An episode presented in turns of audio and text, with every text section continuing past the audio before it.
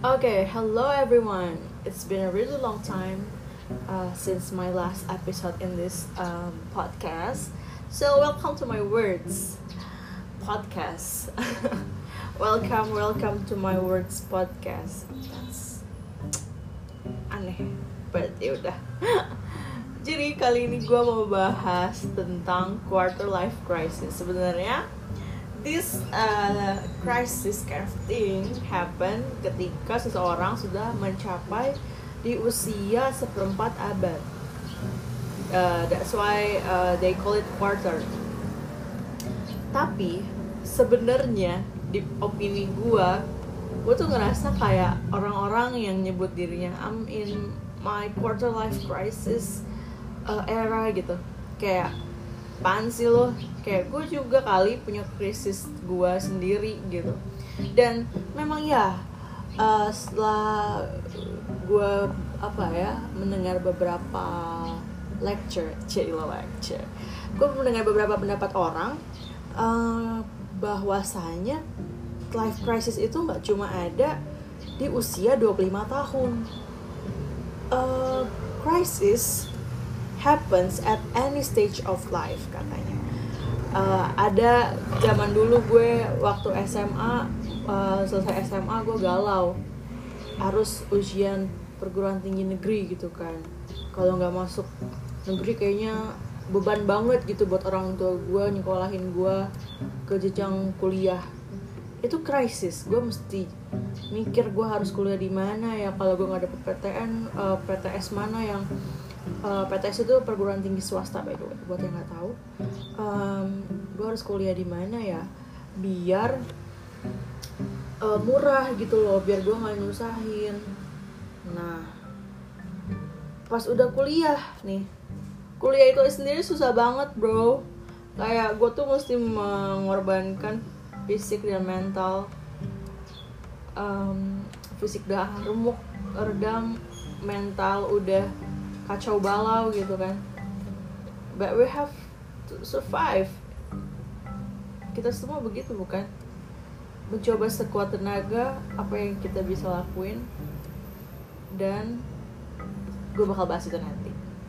Tapi intinya setelah kelar kuliah nih nanti almost I'm almost um, um, graduate anyway uh, gue mikir juga krisis berikutnya adalah gue bakal kerja di mana gue bakal cepet gak ya dapat kerja gaji gue nanti cukup gak ya buat menghidupi gue gitu. Gue nih sering banget bahas bahas tentang krisis gue yang satu ini ke bokap gue. Dan bokap gue pasti nyeramahin gue gini lo tuh kayak orang gak punya iman tau gak? Wah itu adalah kalimat yang bakal bokap gue lontarin secara rutin. Not gonna lie um, gue sebagai manusia tuh takut banyak takutnya. That's why the crisis itself happen cuma cuma nih uh, gue mikir sebenarnya apa sih yang terjadi dalam krisis apa sih yang bisa gue lakuin? Um, gitu-gitu. Oke, okay, lanjut ke krisis berikutnya. Setelah um, lulus kuliah, mikirin gimana mau kerja. Krisis berikutnya adalah kalau misalnya gue pengen nikah, gue harus nikah sama siapa, gitu kan.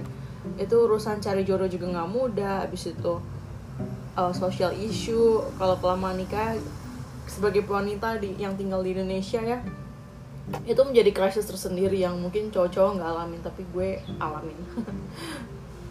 tapi gue belum ngalamin, maksudnya it itu bisa aja terjadi dalam kehidupan gue gue nggak pernah tahu cuma uh, ada kegelisahan tersendiri gitu loh takutnya gue kelamaan nikah terus uh, tante-tante di arisan tuh pada nanyain terus gue jadi overthinking bla bla that's my, that's why I call it my our own um, crisis buat cewek-cewek gitu. Nah kalau udah misalnya udah nikah udah terus galau lagi soal punya anak terus udah punya anak galau lagi soal uh, biaya kehidupan anak sekolah anak dan lain-lain. Gitu. Nanti kalau udah anaknya udah gede mikirin lagi uh, anak gue uh, mau nikah atau bisa melanjutin kuliah atau dia bakal kerja atau dia bakal jadi orang berguna atau enggak capek gitu kan. Sebenarnya kalau dipikirin semuanya yang kita nggak pernah tahu itu tuh bakal kelar atau bakal berakhir seperti apa. Tapi satu hal yang gue dapetin dari um, ngobrol-ngobrol sama beberapa narasumber yang gue ajak untuk bertukar pikiran dia bilang gini quarter life crisis atau krisis apa pun itu nggak harus di umur 25 ya. Itu adalah itu bukan tentang uh, siapa yang paling kuat menghadapi krisis tersebut.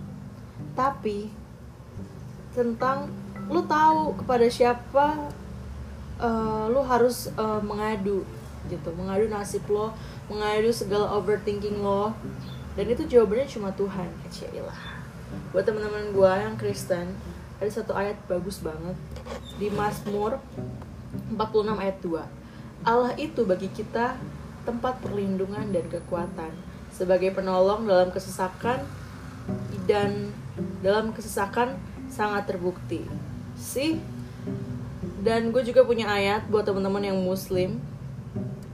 Um, buat kita apa ya buat kita supaya kita tuh jangan merasa sendiri dan tahu pada siapa kita harus mengadu. Di surat Al-Qur'an dalam Al-Qur'an uh, gue nggak ngerti bacanya gimana tapi yang Arabnya uh, dalam kitab At-Taubah 40 Janganlah kamu berduka cita sesungguhnya Allah selalu bersama kita Gokil gak sih? Kita tuh punya Tuhan Allah yang amat sangat Apa namanya?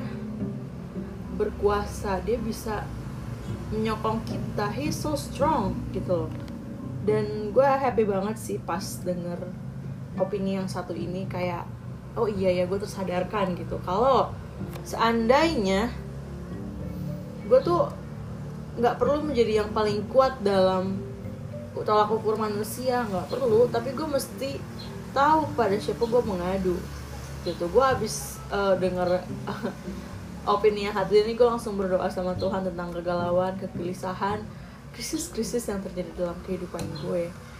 Sa uh, yang gue pikirin dari masa lalu mungkin ada problem-problem yang gue pikirin dari hari ini mungkin gue dihadapkan dengan kegalauan apa atau mungkin ada masalah apa dan krisis yang belum tentu terjadi gitu loh di masa depan. Hal-hal yang bikin gue gelisah di masa depan.